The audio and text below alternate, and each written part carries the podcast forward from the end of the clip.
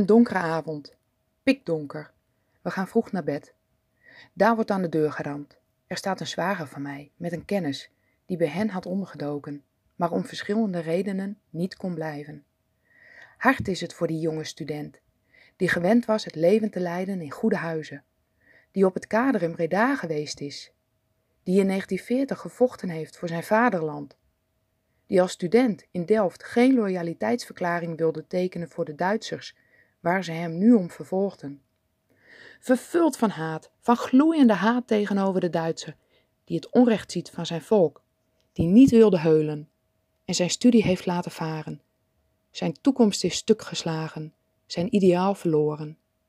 Zijn vrienden vermoord, zijn ouders lijden honger, geheel verlaten, nergens thuis. Dan bouw je je vuisten, dan knars je je tanden tegenover hen die je dat aandoen. En dit is er maar één. Er zijn zoveel. Zou je zo iemand niet helpen? Natuurlijk, dat is mijn plicht. Dit zijn de woorden van Sjoerd Reitsma, geschreven in zijn dagboek. Sjoerd is boer op de boerderij Kiewitshorne, gelegen tussen Witmarsum en Wons, bij de splitsing van de oude Rijksweg naar Bolsward. Ten tijde van de oorlog woont hij hier met zijn jonge gezin, zijn vrouw Vrouwkje en twee kleine kinderen, Herre en Hinke. In de zomer van 1942, zijn vrouw leidt aan TBC, komt de jonge arts Hans zeer regelmatig langs. Zo ook op een zomermorgen.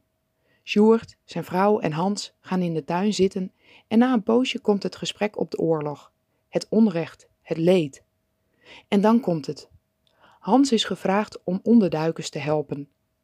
Maar hij kan ze geen veilig onderkomen bieden, omdat Hans zijn buurman NSB'er is. En zo zegt Hans: Sjoerd, neem jij ze. Uiteindelijk gaat dit niet door, ze hebben toch elders plek gevonden. Maar zo is de band voor altijd gesloten. Hans komt vaker dan nodig langs op de boerderij. We maken een sprong in de tijd. 1943. Boerderij Kiewitshorne wordt inmiddels de Kiewit genoemd door de leden, de werkers van de ondergrondse strijd. Er worden hier plannen beraamd, vergaderingen gehouden, besprekingen met de herenleiders van de landelijke organisatie van onderduikers, bonnen in ontvangst genomen, post bewaard, persoonsbewijzen opgeborgen. Bij dag en nacht staan we klaar voor boodschappen, voor doorgangshuis, voor alles wat maar verband houdt met het helpen van de verjaagden, om de verdrukten hulp te verlenen. En zo kwam het dat ook mijn opa hier een veilig onderkomen vond. De jonge student uit de anekdote hiervoor was mijn opa. Hij vond met de schuilnaam Marten een veilig onderkomen op de Kiewiet. Het is oktober 44. Piet, een van de jongens van Hans en Betram, fietst dagelijks langs de wegen als opzichter van de gemeente.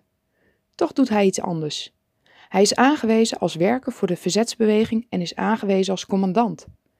En zo springt Piet op een dag van zijn fiets en maakt een praatje met me over het weer. Immers, hij is een kennis van mij. Ik tref hem af en toe bij mijn zuster en hij haalt wel eens melk bij ons vandaan. Maar wat Piet niet weet, is dat ik een stille werker ben voor de ondergrondse. Dat is hem niet bekend. Piet weet alleen dat Marten bij mij is en een van zijn jongens is die onder hem staat. Piet heeft een boodschap voor mij en komt ermee voor de dag. Of ik bereid ben om enige wapens op te bergen van een zogenaamde verzetsbeweging waar hij commandant voor is. Na overleg met mijn vrouw hebben we besloten op het voorstel in te gaan. Maar de volgende dag komt Piet weer bij me. Ze hebben geen vervoerder voor de wapens. Weer om tafel met mijn vrouw. Die is van, plan, die is van mening dat het plan te gevaarlijk is. Maar ik denk dat als we toch de wapens zullen opbergen, het misschien ook verstandiger is om ze zelf te vervoeren. Want alleen dan weet geen mens waar ze heen zijn gegaan. Ik neem om vier uur op de middag afscheid van mijn vrouw en kinderen. Zwaar is dat. Hoe zal het gaan? Geef aan Marten opdracht voor hun te zorgen. En Marten spant de paarden voor de wagens. Twee vurige paarden, die willen en kunnen wachten. Ik zou een geleide meekrijgen. Deze ontmoet ik op de route. Ter herkenning dragen we beide een rode zakdoek om onze hals. Daar komt iemand op een oude cursie knetterend aanpeddelen. Een jonge man met een rode zakdoek om de hals, loerend naar mij in de cabine en hij stijgt af. Het oude vehikel batsen we op de wagen en we rijden verder als het donker is. We staan voor een landhek en gaan het land in. dat drassig en zacht is. De paarden hebben een trek aan de ledige wagen en ik vraag me af hoe het straks zal gaan als er ook nog een goede vracht wapens op moet. Na een lange rit door de hekken en dammen staan we op het erf van de boerderij. Daar staan de wapens en munitie in grote bussen van 4 à 500 pond zwaar klaar. Er wordt in het volslagen duister opgeladen. Als alles op de kar ligt, gooien we er bietenloof over. En dan begint de terugreis. We zijn met z'n vieren. Ik vraag of de jongens me even op de weg willen brengen, daar ik het alleen niet klaarspeel door het natte, drassige land. De paarden trekken en daar gaat het, door de jister. Ze kunnen haast niet. De wagen zakte in de weken grond. Maar de zweep. Zelf spring ik snel van de wagen. De jongen, de jongens duwen en het gaat. Eén loopt voorop. Daar moet ik achter rijden om de weg niet kwijt te raken. Zien kan ik niets. Geen hand voor mijn ogen. Op goed geluk gaat het. Door een dam. Toen nog heen. Trillen blijven de paarden staan. Eigenlijk moeten ze rusten, maar de tijd is er niet. Het is kwart voor zeven en om acht uur moet ik weer binnen zijn. De jongens zetten even mee aan. We moeten nog door twee dammen. We moeten over een polderdijk en de wagen ligt schuin. Haast op ze zij. Striemend gaat de zweep over de ruggen der paarden. Dan even, dam te nauw, de wagen te breed, kan er haast niet door. De paarden trekken, wij zweten en toch, het gaat. Voor vaderland en koningin helpt iedere jongen. Nu de jassen uit, de mouwen opgestroopt, staan we in het natte land te ploeteren. De paarden zetten aan en het gaat, maar dan? Met één wiel over de hoek van de dam en de wagen zakt. En toch? De paarden, ze trekken en... Hoezee, jongens, we zijn er door. Half acht rijd ik met mijn gevaarlijke vracht thuis het erf op. De deuren gaan open, de wagen in de schuur, de dampende paarden op stal. En dan gaat het werk verder. Piet en Douwe zijn ook gekomen en zouden helpen met opbergen. Marten had alle vensters en dakramen verduisterd, voor alle kieren een zak. Aan een grote balk een touw en controle, en dan samen aan het werk. Nieuwsgierig gaan we de zaak uitpakken, bezien en natellen. En van alles kwam eruit. Machinegeweren, mitrailleurs, gewone geweren, bajonetten, handgranaten, munitie en springstoffen. Half in de nacht was alles aan kant. In de tijd daarna worden er op Kiewit lessen in wapens gegeven aan de jongens van het ondergrondse werk. Ze hebben in het hooi een prachtige schuilplaats gecreëerd. De jongens worden s'avonds in het donker opgehaald bij een andere boerderij en door de landerijen meegenomen naar de Kiewit. Zo gaat het een week lang. Alle nachten verschillende jongens die les krijgen. Ook worden er lessen gegeven in het verzorgen van gewonden. Alles ter voorbereiding op de tijd dat ze echt in actie kunnen en mogen komen. Ook is dit de tijd van de hongerwinter en de vele razzia's in Holland, waardoor er dagelijks circa 60 mensen bij de deur van de Kiewiet komen voor eten, onderdak, alle nachten slapers, uitgehongerd, moedeloos, geen krachten om de reis te doen. Daarnaast waren er de palingfeesten, oftewel wapendroppings. Als op Radio Oranje het codewoord de melk kookt over te horen was, wisten ze dat het weer zover was. De ene keer te vergeefs omdat een vliegtuig wegblijft, de andere keer succesvol. Dan kwamen de jongens de andere morgen terug vol van verhalen. Het vliegtuig dat uit zuidwestelijke richting precies op het doel afkwam. Zo'n dertig mannen stonden te wachten in het land, zijnde met de markeringslampen. Het vliegtuig dook naar beneden en er zijnde terug. Vloog laag over het terrein en rits, daar hingen de parachutes in de lucht. Met 26 containers vol wapens, een gerommel van je welste, zo kletsten die dingen tegen elkaar en zakten langzaam naar beneden en kwamen op de grond terecht met een doffe plof. Jongens, dat was avontuur, dat was even opwindend. Een stil gejuich van de jongens en het vliegtuig verdween met een boog over Bolsward weer dezelfde weg terug. De containers werden op wagens geladen. Zwoegen was dat. Zes man, één container. Ze werden vervolgens per boerenkar of per praam naar de verschillende verzetshaarden, zoals de visconservenfabriek in Makkum en de Kiewiet gebracht. Aanvankelijk werd een weiland nabij Wipmarsum, pannenkoeken, als droppingsveld gebruikt. Lange tijd ging dit zonder problemen, totdat een gedropte container tijdens de val op een paard terecht kwam. Het paard overleefde deze klap niet. Dit veroorzaakte zoveel geruchten in Wipmarsum dat er een nieuw terrein gezocht moest worden. De nieuwe locatie werd Bonjeterp, nabij Exmora. Begin 45. Er vond weer een wapendropping plaats. Het was volle maan en er lag een dik pak sneeuw. Maar dat is toch veel te gevaarlijk, dat kunnen de Duitsers toch van ver zien. In de nacht met helder weer en maanlicht en toch zal het doorgaan. De jongens moeten allemaal witte kleren aan, dus de linnenkast wordt overhoop gehaald. We gieren van de pret als Douwe met een witte ouderwetse broek van mijn vader en een nachtpon van de vrouw haar grootmoeder door de kamer op en neer huppelt. En Marten per ongeluk een witte flapbroek aantrekt met een korte witte kiel van een oom van mij uit Indië. Ook deze keer helaas te vergeefs. Het vliegtuig bleef weg. Maar niettemin was het een mooie oefening in de witte kleren in de sneeuw. Drie dagen later gaat de dropping wel door, maar mede door de storm, mede door te vlug uitwerpen, komen de containers aan de andere kant van het grote kanaal terecht. De jongens zijn haast in de omgeving van Bolsward om de wapens op te halen. Eén container kunnen ze niet terugvinden. Deze wordt later door de Duitsers gevonden, met als ernstig gevolg een razzia in Tjerkwet. Een van de meest invloedrijke verzetsmensen van Friesland wordt opgepakt. Onze jongens krijgen bevel hem en zijn adjudant te bevrijden. Ze zitten in Workum, bewaakt door acht Duitse soldaten. Martin krijgt opdracht ogenblikkelijk naar Workum te gaan. Hij moet daar spioneren, in samenwerking met Piet. Zijn ouders wonen vlakbij waar onze mannen gevangen zitten. Marten vertrekt. Hij neemt afscheid van ons. Hij is onder de indruk. Het is hem aan te zien. Nu moet hij weg en misschien zien wij hem niet meer. Met vijftig man waren ze richting Workum gegaan, met als doel de acht bewakers te overvallen in Workum. Een peulenschilletje, vijftig zwaar bewapende mannen. Maar door inlichtingen van Marten was vastkomen te staan dat het gebouw werd bewaakt door tachtig man sterk bewapende Duitsers. Dus er was geen denken meer aan.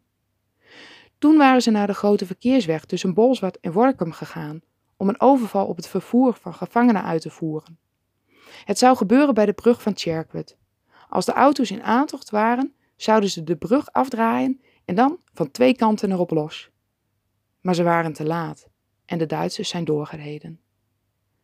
Ten neergeslagen zijn we, het werk van de laatste jaren in één slag vernietigd. In de schouwplaats vonden de Duitsers belangrijke informatie. Uit deze informatie en uit verhoren die volgden, kwam men aan de weet dat er zo'n 3000 gewapende verzetsstrijders in Friesland waren. De aanvalsplannen waren bekend, de wachtwoorden, de plaatsen van inkwartieren, de voedseldepots, wapendepots. Dat er parachutisten bij de afsluitdijk zouden worden uitgeworpen. Dat er 2500 gewapende mannen op de kop van een afsluitdijk zouden liggen, die dan gezamenlijk zouden opereren. Slagzinnen, aantallen wapens, munitie, uitwerpterreinen.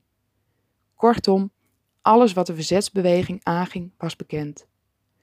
Maar dan horen wij dat bij de gewestelijke organisatieleider geen ding van ons op het papier stond. Wel van beneden onder de grote Rijksweg, maar daarboven niets. En daar waren wij bij. Dan plotseling, zaterdagmorgen 7 april 45, daar rijdt bij ons een auto langs, vol met Duitse SD en Hollandse landwacht in dienst van de vijand. En dan horen we al gauw, Makkem wordt omsingeld. Van verschillende kanten komen de wagens, afgeladen met verraders, het dorp naderen. Alles wat vluchten kon daar in Makkum, alle jonge mannen die zich niet vertrouwden gingen schuil. En toch, geholpen door de Nederlandse landwacht, wordt er in samenwerking met de Duitse SD van Leeuwarden razzia gehouden. Klopjacht. Huis in, huis uit. Al snel komt Bertram op de kiewit met een partij jongens van de MBS en vragen mij om wapens omdat ze zelf te weinig hebben. Bertram en Marten nemen tezamen de leiding. Er zal een poging gedaan worden om de auto met gevangenen op te vangen. Er is bericht binnengekomen dat de wagen met de gevangenen hier op de viersprong passeren zal en dan richting Sneek zal gaan. Bij de brug zal de overval plaatsvinden. Bertram en Marten gaan eerst, twee bij twee. En zo gaan ze dan, scherp gewapend, zich in een hinderlaag achter de struiken verbergen, afwachtend op de overvalwagen met de gevangenen. Bij brokstukken bereiken ons berichten. Er worden jongens gegrepen en opgesloten in de marechaussee-kazerne. De courierstes rijden dan ook af en aan om ons op de hoogte te houden van de toestand in Makkum. Tien uur, elf uur, twaalf uur. Nog geen auto en er komen geen berichten meer binnen hoe of het gaat. Dan beginnen onze jongens een plan te opperen om dichter bij Makkum in de buurt de troep op te gaan vangen. Onderwijl word ik belast om nog wat stands op te halen uit het depot in Pingjum, omdat wij hier ook niks meer hebben. De jongens breken ondertussen op en gaan bij clubjes naar Makkum. Daar op de driesprong, anderhalve kilometer van Makkum af, gaan ze een boerderij binnen. Ze sturen de boer en zijn personeel naar de kamer en wachten op mij, tot ik met de wapens kom. Als ik Makkum nader, kan ik met het blote oog zien dat er iemand op de kazerne staat, die de omtrek afspeurt met een verrekijker. Ze zien mij ook wel, maar ze kunnen niet zien dat het rijtuig afgeladen is met wapens van de binnenlandse strijdkrachten. Als de wapens afgeleverd zijn, wens ik de jongens een goede uitkomst en groet hen. Ook Marten groet ik in het bijzonder, wens ik sterkte toe.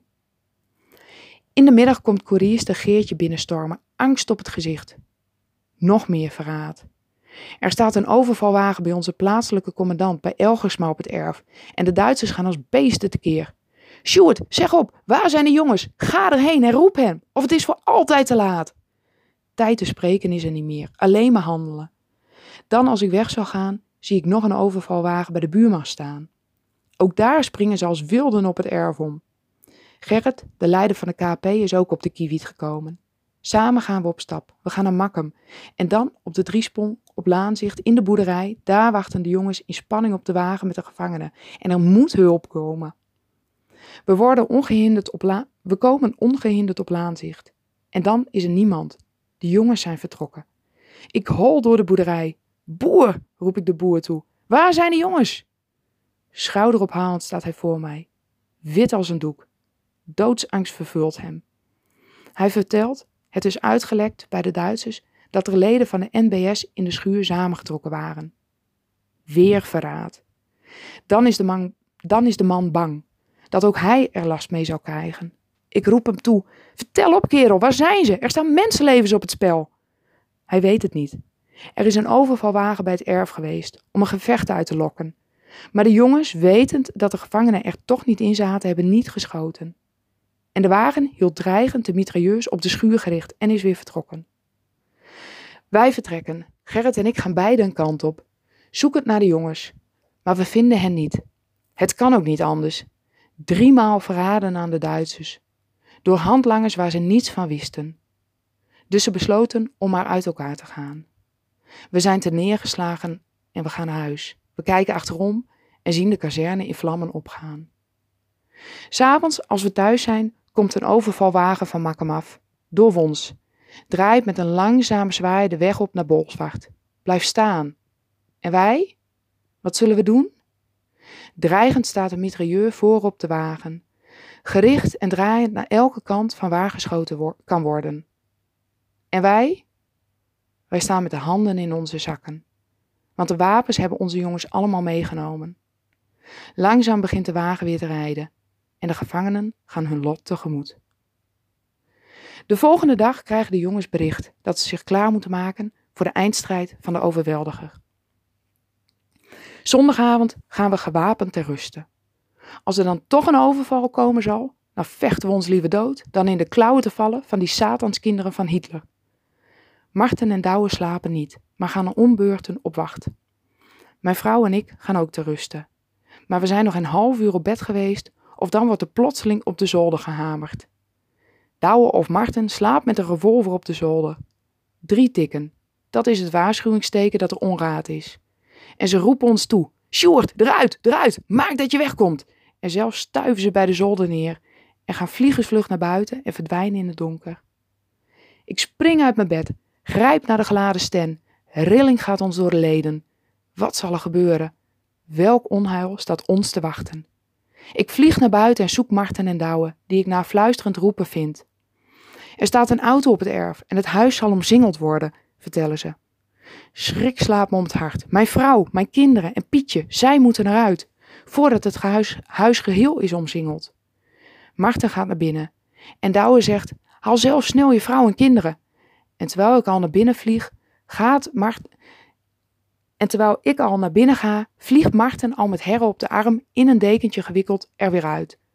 Als bij ingeving geef ik Douwe mijn sten en vijf houders en ga ik ook naar binnen.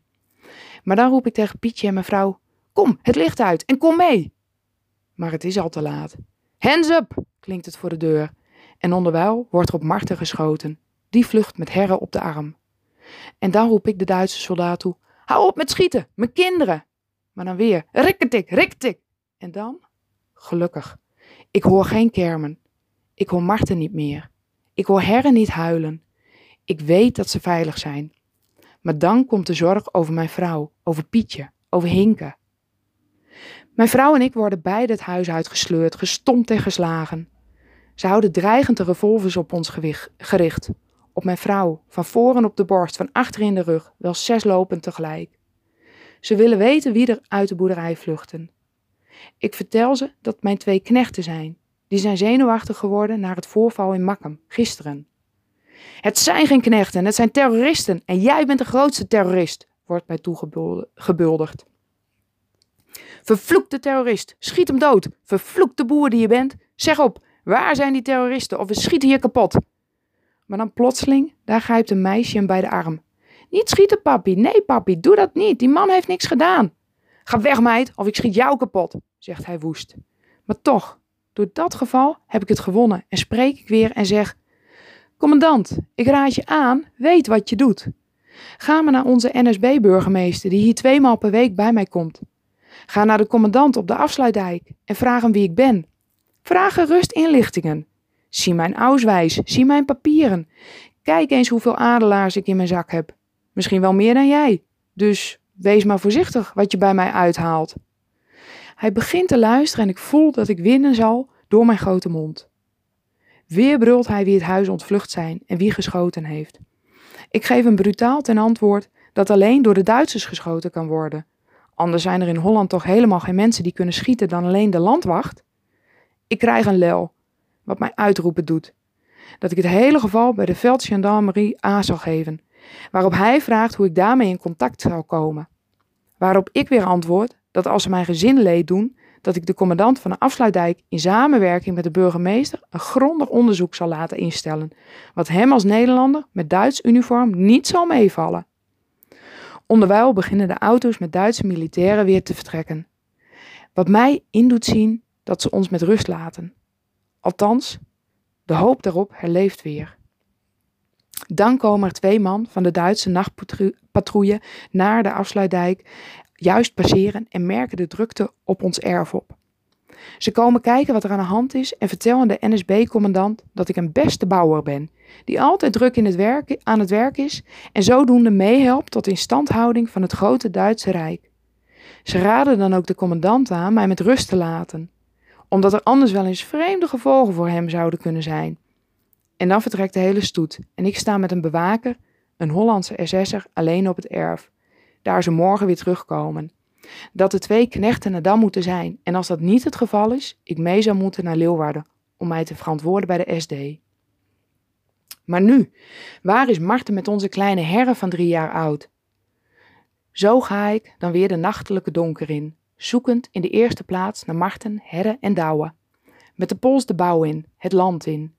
Ik laat een scherp sissend geluid horen, zoals de jongens van mij gewend zijn als het veilig is, drie maal achter elkaar.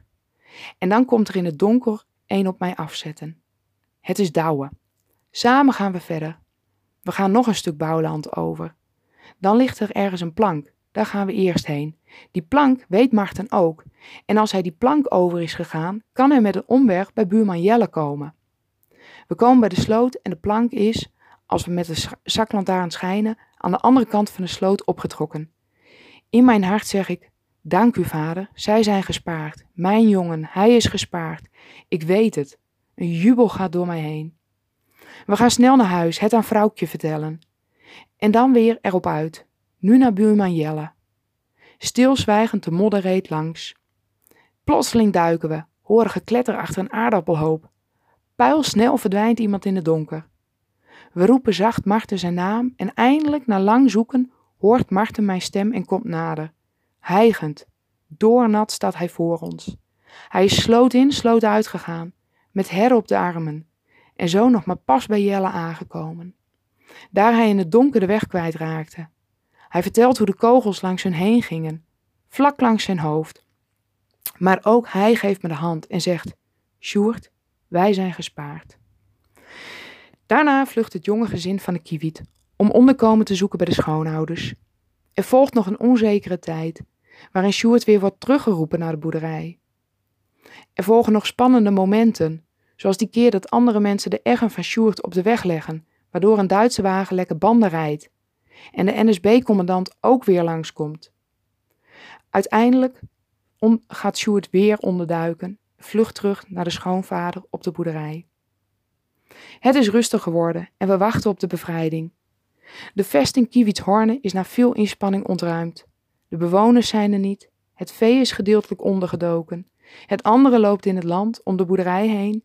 Wagens en machines staan werkloos op het erf. En de boerderij is overgegeven in handen van onze vijanden. Maar wij zijn gespaard. Het gaat goed. De Duitse adelaar is gevallen. En toch, in een tweetal dorpen, Makkum en Pinjum, daar nestelen nog een paar Duitse troepen. Hoofdzakelijk Nederlandse SS, WA en landwachters. En dat wordt vechten. Daar Bram afwezig is, neemt Marten bezit van de hoofdplaats der gemeente. Hij bezet het gemeentehuis en ontvangt als echte Nederlandse binnenlandstrijder daar de Canadezen en pleegt met hen overleg. En ze vragen zijn raad, hoe of ze met het dorp Pingjum zullen. Daarbij ontpopt uit Marten de boerenknecht op de kiewiet, de jongen waarna de andere jongens soms zagen met een meelijwekkende glimlach om zijn bescheiden houding, om zijn door en door eerlijke oprechte houding, door zijn liefde voor vorstin en vaderland. Daar zien we hem in een overal op het gemeentehuis optreden als een echte militair. Ze trekken, gesteund door Canadezen, op naar. Omdat Martin vloeiend Engels spreekt, ligt hij met de Canadese majoor of commandant achter de brug en leiden tezamen het gevecht. En leiden tezamen het gevecht dat er heet van langs gaat om Pinjum te bevrijden. Zo zijn onze eigen Nederlandse jongens mee in de strijd om de vijand te vernietigen, om hen in het land uit te drijven. De Kiewit zit vol Canadezen. De kapitein heeft er een commandopost gemaakt en telefoon aangelegd. Er daalt een vliegtuig met post voor de manschappen. Dertien grote tanks staan op het erf. Het wemelt van de soldaten. Alles in de boerderij ligt overhoop. Ruiten zijn vernietigd. De grote wagen is weg, paarden weg, een koe geslacht, een pink meegenomen. Al het paardentuig is weg. Maar toch, de kiewiet is van de Duitsers gezuiverd en staat er nog. Om ons heen zijn zestien boerderijen afgebrand en stuk geschoten. En mijn huisgezin is gespaard gebleven. We zijn bewaard gebleven. Onze strijd heeft vrucht gedragen.